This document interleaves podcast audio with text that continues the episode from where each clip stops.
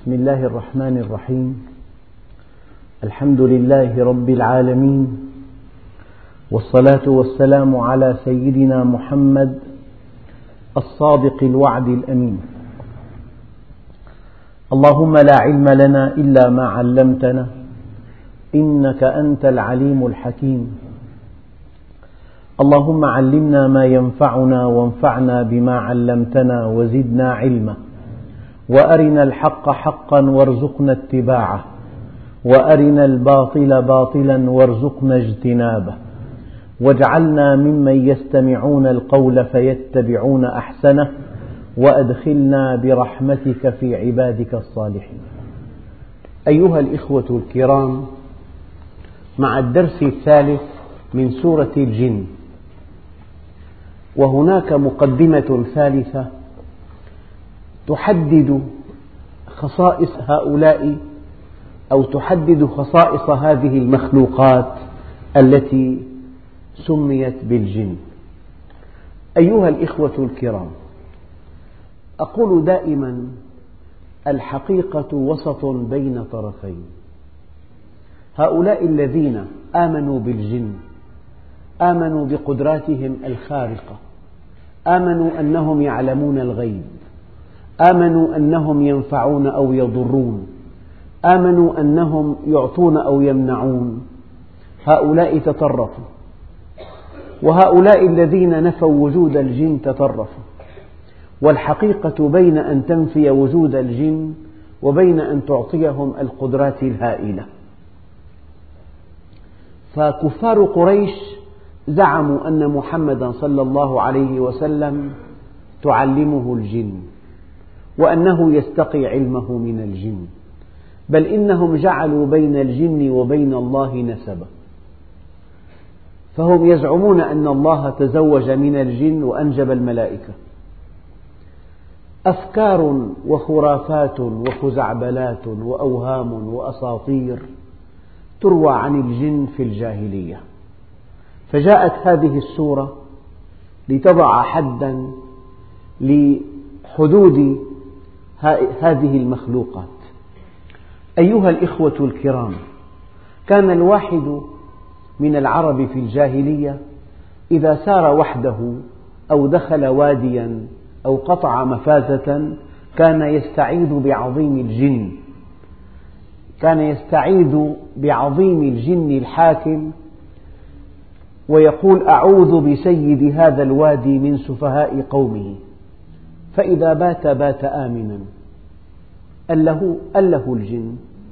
إذا دخل واديا أو قطع مفازة يستعيذ بسيد هذه الصحراء أو سيد هذا الوادي. فإذا بات بات آمنا لأنه استعاذ بالجن. هذا تطرف وهذا شرك.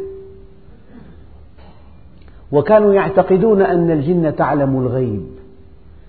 تعلم الغيب وتنبئ الكهان. فإذا أتوا كاهنا عرفوا الغيب من خلاله. الجن تعلم الكهان والكهان ينبئون بني آدم. وكما قلت قبل قليل جعلوا بين الجنة وبين الله نسبا فكانوا يعتقدون أن لله عز وجل زوجة من الجن أنجبت الملائكة. فالملائكة بنات الله. وقد ذكر القرآن هذا. ركام خرافات ضلالات أساطير ما أنزل الله بها من سلطان. جاءت هذه السورة لتضع حدا لكل هذه الأوهام وكل هذه الخرافات وكل هذه الأساطير. إذا كان هذا اعتقاد الجاهليين هل تفاجؤون إذا, ظنن إذا علمتم أن في مجتمعاتنا الإسلامية جماعات كثيرة تؤمن بالجن وبقدراتهم الخارقة وبعلمهم للغيب وبإمكانهم بإمكانهم أن يوفقوا بين الزوج وزوجتك أو أن يفرقوا بينهما من, أجل من لماذا جاءت هذه السورة؟ لتنفي الشرك لتنفي الأضاليل لتنفي التخرصات لتنفي الأكاذيب. هذا كله يجب أن ينتهي بعد أن يوضح, بعد أن يوضح الوحي حقيقة الجن. فاليوم هناك كثيرون يعتقدون بالجن من بعض المثقفين. وللأسف الشديد من بعض رواد المساجد ويلجؤون إلى أشخاص يتوهمون أنهم يفكون السحر ويخرجون الجن من الإنسان. أنا لا أنفي أن هناك علاقة بين الجن والإنس. هذه العلاقة لا يمكن أن تكون مشروعة إطلاقا لأن الله عز وجل في كتابه كله ولأن النبي عليه الصلاة والسلام في سنته كلها لم يأمرنا ولم يسمح لنا أن نقيم علاقة مع الجن. أما الذين أقاموا علاقة مع الجن زادوهم رهقا أرهقوهم وأتعبوهم ولم يجنوا من هذا العمل شيئا. شيء آخر.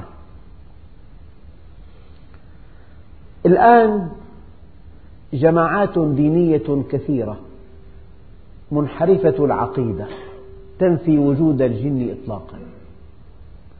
وتزعم أن الجن خرافة لا وجود لها. من التخرصات قد تسألهم كيف تفسر آيات الجن؟ يقولون كل شيء غاب عن عينك فهو من الجن. الإنسان إذا وقف وراء الباب ولم تره هو من الجن. فبين هؤلاء الذين ألهوا وبين هؤلاء الذين أشركوا وبين هؤلاء الذين اعتقدوا بقدرات فائقة واعتقدوا بالنفع والضر واعتقدوا بعلم الغيب وبين هؤلاء الذين أنكروا الجن جاءت هذه السورة لتعطي كل شيء حقه وحده لتعطي الجن حجمهم الحقيقي. المقياس هو الوحي. لأن الوحي لا يأتيه الباطل من بين يديه ولا من خلفه. المقياس كلام الخالق المقياس كلام الخبير المقياس كلام الله الواحد القهار. أيها الإخوة لم أبدأ تفسير هذه السورة بعد ولكن سأضع لكم بعض الحقائق المستقاة من هذه السورة ومن بعض الآيات التي وردت عن الجن في سور أخرى. الحقيقة الأولى الجن مخلوقات موجودة. الجن حقيقة. عالم الجن عالم تؤكده هذه السورة. لا تستطيع أن تنفي الجن فإن نفيت الجن كذبت هذا القرآن.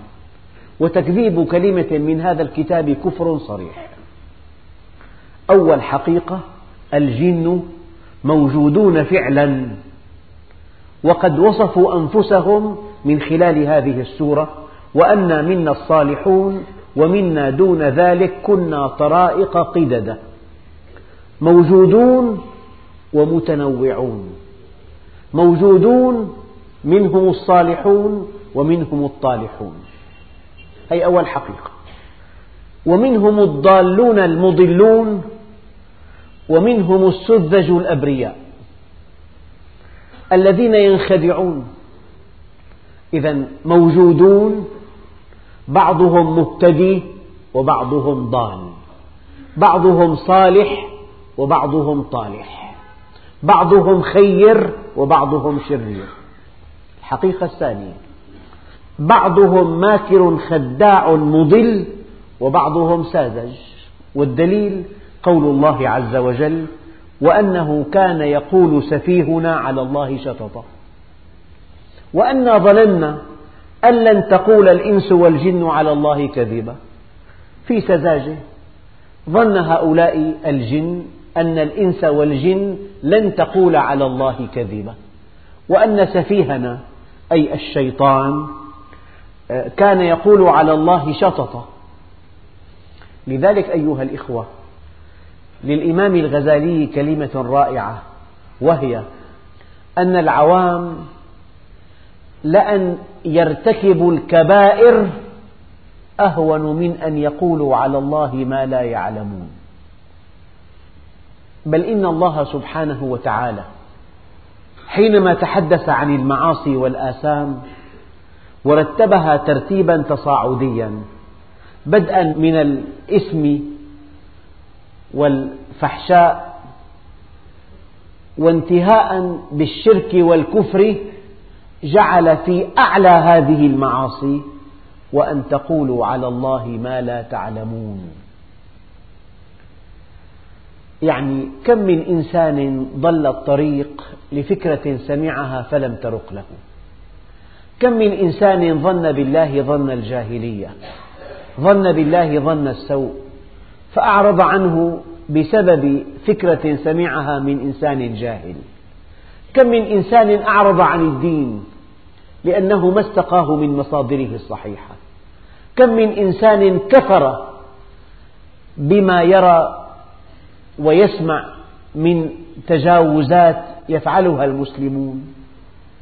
فلذلك وأنه كان سفيهنا الشيطان يقول على الله شططا وأن ظننا أن لن تقول الإنس والجن على الله كذبا أيها الإخوة الكرام من أغرب ما قاله الإمام الشافعي أنه قال لأن, لأن أرتزق بالرقص أهون من أن أرتزق بالدين. لأنك إذا ألقيت على الناس أفكارا غير صحيحة وأضللتهم وأفسدتهم بل وحملت بعضهم على أن يكفروا بهذا الدين فأنت أكبر آثم لأن كل انحراف جرى عن طريقك. أيها الإخوة الكرام استمعوا إلى هذه الحقيقة. من دعا إلى الله بمضمون هزيل سطحي غير متماسك وبأسلوب غير تربوي وغير علمي أو دعا إلى الله بمضمون عميق لكن لم يكن ملتزما بهذا الدين. لم يرى المدعو في الداعية التزاما رأى ازدواجا. هذا المدعو بهذا المضمون الهزيل وبهذه وبهذا التناقض الشنيع وبتلك الطريقة غير التربوية وغير العلمية هذا المدعو بهذه الطريقة وبهذا المضمون وبهذه الازدواجية لا يعد عند الله مبلغا. لأنه ركب في أعماق الإنسان أن دين الله عظيم. أن هذا الدين من عند الله وأن هذا الدين من عند العليم الحكيم من عند الرؤوف الرحيم من عند علام الغيوب من عند أكرم الأكرمين من عند رب العالمين. هذا الدين لا يحتمل أن تجد فيه تناقضا ولا ضحالة ولا خرافة ولا تجاوزا. هذا الدين يمثل عظمة هذا الإله العظيم. أيها الإخوة الكرام في الدين مقولات لا تعد ولا تحصى. لا بد لك من مقياس تحدثت عنه في الدرس الماضي. منهج التلقي تفرز به هذه المقولات. فالمقولة التي تنطبق على هذا المنهج تقبلها. والتي لا يقبلها هذا المنهج ترفضها. لا بد من منهج دقيق نعتمده في قبول المقولات الدينية وفي رفضها. إذا الجن موجودون منهم الصالحون ومنهم الطالحون وهم فرائق وهم فرق كثيرون. كنا فرائق قددا والجن منهم المضلون الخبثاء ومنهم السذج. وأنه كان يقول سفيهنا على الله شططا وأنا كنا نظن أن لن تقول الإنس والجن على الله كذبا حقيقة ثالثة. والجن عندهم استعداد للهداية. هذه الحقيقة الثالثة. ومستعدون لإدراك القرآن الكريم سماعا وفهما من خلال هذه الآيات الكريمة. قل أوحي إلي أنه استمع نفر من الجن فقالوا إنا سمعنا قرآنا عجبا يهدي إلى الرشد فآمنا به ولن نشرك بربنا أحدا. استمعوا إلى هذا القرآن الكريم أعجبوا به فهموه أدركوا أبعاده آمنوا به. فصاروا جنا مؤمنين. هي حقيقة ثالثة. والجن مكلفون ومعنى مكلفون مسؤولون ومعنى مسؤولون محاسبون. إذا تقع عليهم أنواع العقوبات وأنواع الإكرامات. والدليل أن الله سبحانه وتعالى يقول وأنا لما سمعنا الهدى آمنا به. فمن يؤمن بربه منا يعني فلا يخاف بخسا ولا رهقا. الجن مكلفون. سنفرغ لكم أيها الثقلان. فبأي آلاء ربكما تكذبان؟ سنقصد إلى محاسبتكم. الملك غير مكلف. الحيوان غير مكلف. الجماد غير مكلف. لكن الإنس والجن مكلفون. مكلفون بحمل الأمانة. ومسؤولون وسيحاسبون وسيعذبون وسيتنعمون. هذه حقيقة ثالثة. وأنا لما سمعنا الهدى آمنا به فمن يؤمن بربه منا يعني فلا يخاف بخسا ولا رهقا. وأنا منا المسلمون ومنا القاسطون. وأنا منا المسلمون ومنا القاسطون. القاسطون هم الظالمون. وهذا الفعل أو هذا الاسم دقيق.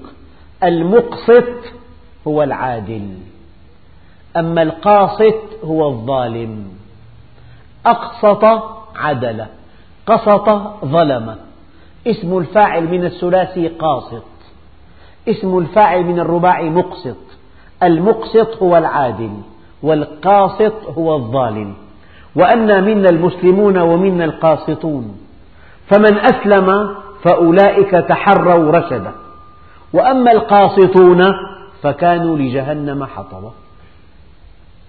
مخلوقات مكلفة بحمل الأمانة مسؤولة عن أعمالها. وبما أنها مسؤولة لا بد, من أنها تملك حرية الاختيار. مسؤولة عن أعمالها وتملك حرية الاختيار ومصيرها إما إلى جنة يدوم نعيمها أو إلى نار لا ينفد عذابها. سنفرغ لكم أيها الثقلان. هذه أيضا حقيقة عن الجن. وأنا لما سمعنا الهدى آمنا به فمن يؤمن بربه فلا يخاف بخسا ولا رهقا. وأنا منا المسلمون ومنا القاسطون فمن أسلم فأولئك تحروا رشدا وأما القاسطون فكانوا لجهنم حطبا الحقيقة الخامسة هؤلاء الجن لا ولن ينفع الإنس إذا لاذوا بهم. يعني أية محاولة إلى أن تلجأ إلى الجن؟ محاولة خاسرة يائسة. هذا كله من كتاب الله. هذا هو حجمهم الحقيقي. تعريفاتهم الدقيقة. لذلك قال تعالى وأنه كان رجال من الإنس يعوذون برجال من الجن فزادوهم رهقا. لا تستعذ إلا بالله. لن يقدم لك الجن شيئا. لن ينفعوك إطلاقا. لن يخلصوك من أية ورطة. أكثر المسلمين يلجؤون إلى رجال يزعمون أنهم يعرفون الجن ليفكوا لهم السحر ليخرجوا بعض الجن منهم. هؤلاء يزدادون ضلالا وتيها. وأنه كان رجال من الإنس يعوذون برجال من الجن فزادوهم رهقا. الحقيقة السابعة الجن لا يعلمون الغيب إطلاقا. ولم وليس لهم أية صلة بالسماء. قال تعالى وأنا لمسنا السماء فوجدناها ملئت حرسا شديدا وشهبا. وأنا كنا نقعد قبل رسالة رسول الله منها مقاعد للسمع فمن يستمع الآن يجد له شهابا رصدا. يعني أضرب لكم بعض الأمثلة. لو أن آذنا أو حاجبا أو مستخدما في رئاسة الوزراء يطوف على الوزراء يقدم لهم القهوة أو الشاي. وفي أثناء الاجتماع سمع من أطراف أحاديثهم أنه ستؤخر الساعة ستين دقيقة. قبل شهر من موعد تأخيرها. فأشاع بين الناس أنني أعلم الغيب. بعد أربعة أسابيع سوف تؤخر الساعة أي إذا كان لأول مرة. ستين دقيقة. هل هذا الحاجب أو هل هذا الآذن يعلم الغيب؟ إنه استرق السمع من خلال اجتماع مهم. فأوهم الناس أنه يعلم الغيب. الآية الكريمة وأنه وأنا لمسنا السماء فوجدناها ملئت حرسا شديدا وشهبا وأنا كنا نقعد منها مقاعد للسمع. كنا نستمع إلى بعض الأوامر الإلهية وننزل إلى الأرض فنلقي هذه المعلومات في آذان الكهان. هؤلاء الكهان يأتون إلى الناس ويدعون أنهم يعلمون الغيب. ليس غيبا ولكنه استراق سمع. وأنا كنا لمسنا وأنا لمسنا السماء الآن بعد رسالة رسول الله فوجدناها ملئت حرسا شديدا وشهبا وأنا كنا نقعد منها مقاعد للسمع فمن يستمع الآن يجد له شهابا رصدا نعم.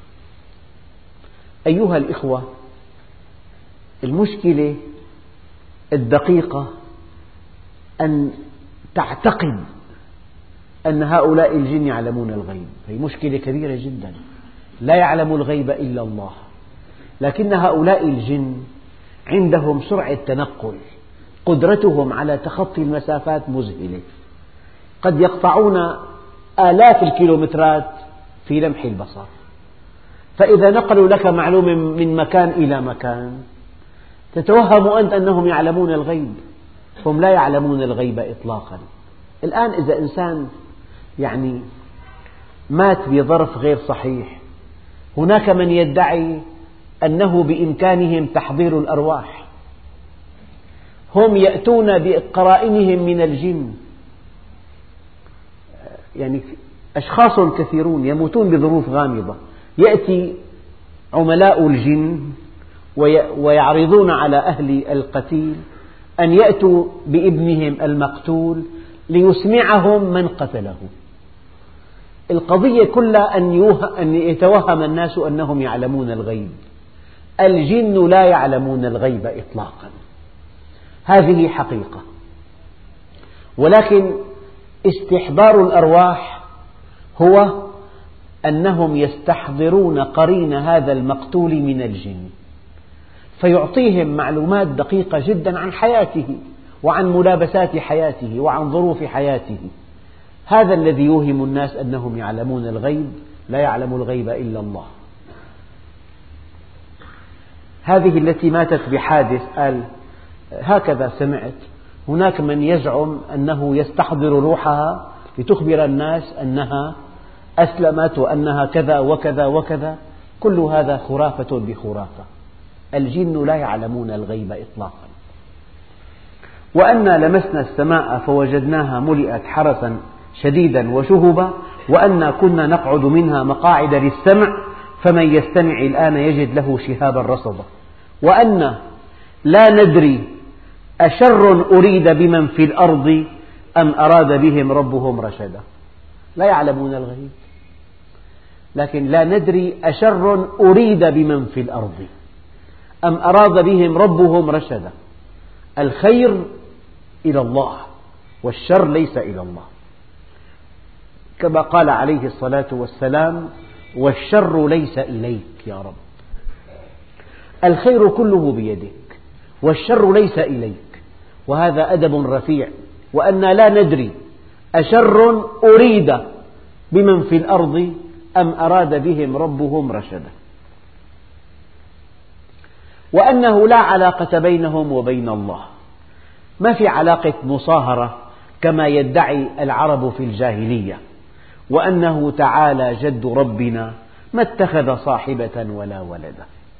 لأن المشركين يزعمون في الجاهلية أن الله تزوج من الجن وأنجب الملائكة فالملائكة بنات الله. أيها الإخوة مرة ثانية. هذه حقائق من كتاب الله تعطي الجن حجمهم الحقيقي وأية زيادة زيادة باطلة وأي إنكار إنكار باطل. لا نستطيع أن ننكر شيئا أثبته القرآن ولا أن نزيد شيئا ما ذكره القرآن.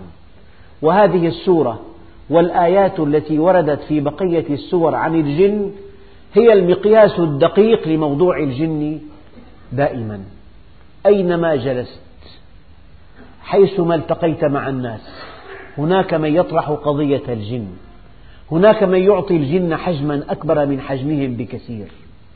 هناك من يزعم أن الجن يعلمون الغيب عن طريق القرناء عن طريق غيب الحاضر عن طريق سرعة التنقل في الأرض. هذه كلها خرافات ما أنزل الله بها من سلطان. لا يعلمون الغيب ولا يستطيعون أن يفعلوا شيئا. وأكبر دليل رئيسهم الشيطان. وقال الشيطان لما قضي الأمر إن الله وعدكم وعد الحق ووعدتكم فأخلفتكم. وما كان لي عليكم من سلطان إلا أن دعوتكم فاستجبتم لي. فلا تلوموني ولوموا أنفسكم. وما كان لي عليكم من سلطان. آية حاسمة. قطعية الدلالة. آية حاسمة. وما كان لي عليكم من سلطان إلا أن دعوتكم فاستجبتم لي. فلا تلوموني ولوموا أنفسكم ما أنا بمصرخكم وما أنتم بمصرخي إني كفرت بما أشركتموني من قبل. هي حقائق. هذه حقائق ناصعة. أثبتها الله في كتابه العزيز.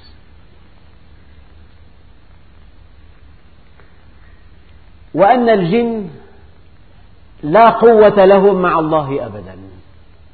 لا يستطيعون أن يفعلوا شيئا لقول الله عز وجل. وأنا ظننا أن لن نعجز الله في الأرض ولن نعجزه هربا. هم في قبضة الله. ليس لهم إرادة مستقلة عن الله عز وجل. ليس بهم قوة يصرفونها في غير إرادة الله عز وجل. وأنا ظننا أن لن نعجز الله في الأرض ولن نعجزه هربا. من الآيات الأخرى في غير سورة الجن قوله, قوله تعالى ما دلهم على موته على سيدنا سليمان إلا دابة الأرض تأكل من سأته. عصاه. والدابة السوس فلما خر سيدنا سليمان كلفهم بأعمال شاقة متعبة. فلما خر تبينت الجن أن لو كانوا يعلمون الغيب ما لبثوا في العذاب المهين. يعني أنا أعطيك مقاييس. أنت جالس بسهرة مع أصدقائك مع إخوانك مع أقربائك مع زملاء العمل وسمعت قصة مفادها أنهم يعلمون الغيب. لا ينبغي أن تبقى ساكتا. يجب أن تنطق بالقرآن الكريم. إنهم لا يعلمون الغيب. لو سمعت قصة أن الإنسان أوذي من الجن ذكرهم بقول الله عز وجل وما كان لي عليكم من سلطان إلا أن دعوتكم فاستجبتم لي. فلا تلوموني ولوموا أنفسكم. ما أنا بمصرخكم وما أنتم بمصرخي. هذه الآيات من أجل أن تعطي الجن حجمهم الحقيقي من أجل أن, تقف مع الناس على الحدود التي جاءت في هذه السورة.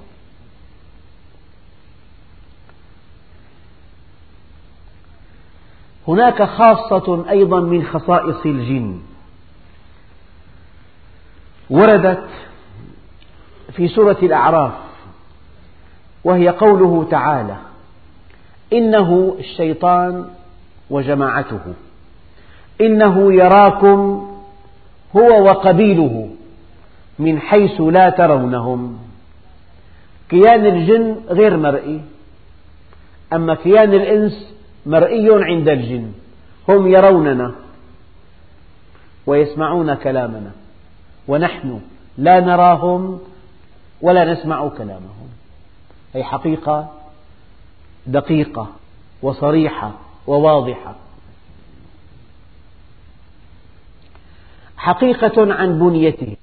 الجن مخلوقون من النار والإنس مخلوقون من الطين. خلق الإنسان من صلصال كالفخار وخلق الجان من مارج من نار. فبأي آلاء ربكما تكذبان؟ أيها الإخوة الكرام ومن خلال هذه الحقائق التي وردت في سورة الجن وفي غير سورة الجن يتضح لنا أن الذين عرفوا الله عز وجل وعرفوا حقيقة الجن لا يمكن أن يعتمدوا على الجن ولا أن يلجأوا إليهم لا في معرفة الحقائق المستقبلة ولا في الاستعانة بهم لأنهم ضعاف كالبشر ولأنهم لا يعلمون الغيب كالبشر. شيء آخر. هذه السورة توضح حقيقة الألوهية وحقيقة العبودية. ثم توضح أيضا الصلة بين هذه الخلائق المنوعة. يعني ممكن أن تقوم صلة بين الإنس وبين الجن لكن هذه الصلة ليست مشروعة. يمكن أن تكون هناك صلة بين الإنس والجن. يمكن أن يستعيذ الإنس بالجن. يمكن أن يتعاون الجن مع الإنس. هذه حقائق ولكنها ليست مشروعة ولا مطلوبة ولا مستحسنة إطلاقا. في هذه السورة تأكيد على وحدانية الله وتأكيد على نفي الصاحبة والولد. وهذا تأكيد مهم جدا. وإثبات الجزاء في الآخرة للإنس والجن معا. وأن أحدا من مخلوقات الله ولو بدا خارق القدرة على تخطي المسافات لن يعجز الله في الأرض ولا يتفلت من يده أبدا. أيضا لحقيقة الألوهية ولحقيقة العبودية. وبيان أيضا إلى أن الجن لا يملكون قوة ولا علما وليست لهم إرادة مستقلة عن الله عز وجل وأنهم في قبضة الله كالإنس. قل إنما أدعو ربي ولا أشرك به أحدا قل إني لن يجيرني من الله أحد ولن أجد من دونه ملتحدا. والنبي عليه الصلاة والسلام يقول فيما يرويه ربه عنه قل إني لا أملك لكم ضرا ولا رشدا فيما يأمره الله أن يبلغه للناس. قل لا أملك لكم ضرا ولا رشدا. وأن لا ندري الغيب موكول إلى الله وحده. ومن يعرض عن ذكر ربه يسلكه عذابا صعدا. أن الذي يستقيم على أمر الله عز وجل له ثمار طيبة. وأن لو استقاموا على الطريقة لأسقيناهم ماء غدقا لنفتنهم فيه ومن يعرض عن ذكر ربه يسلكه عذابا صعودا.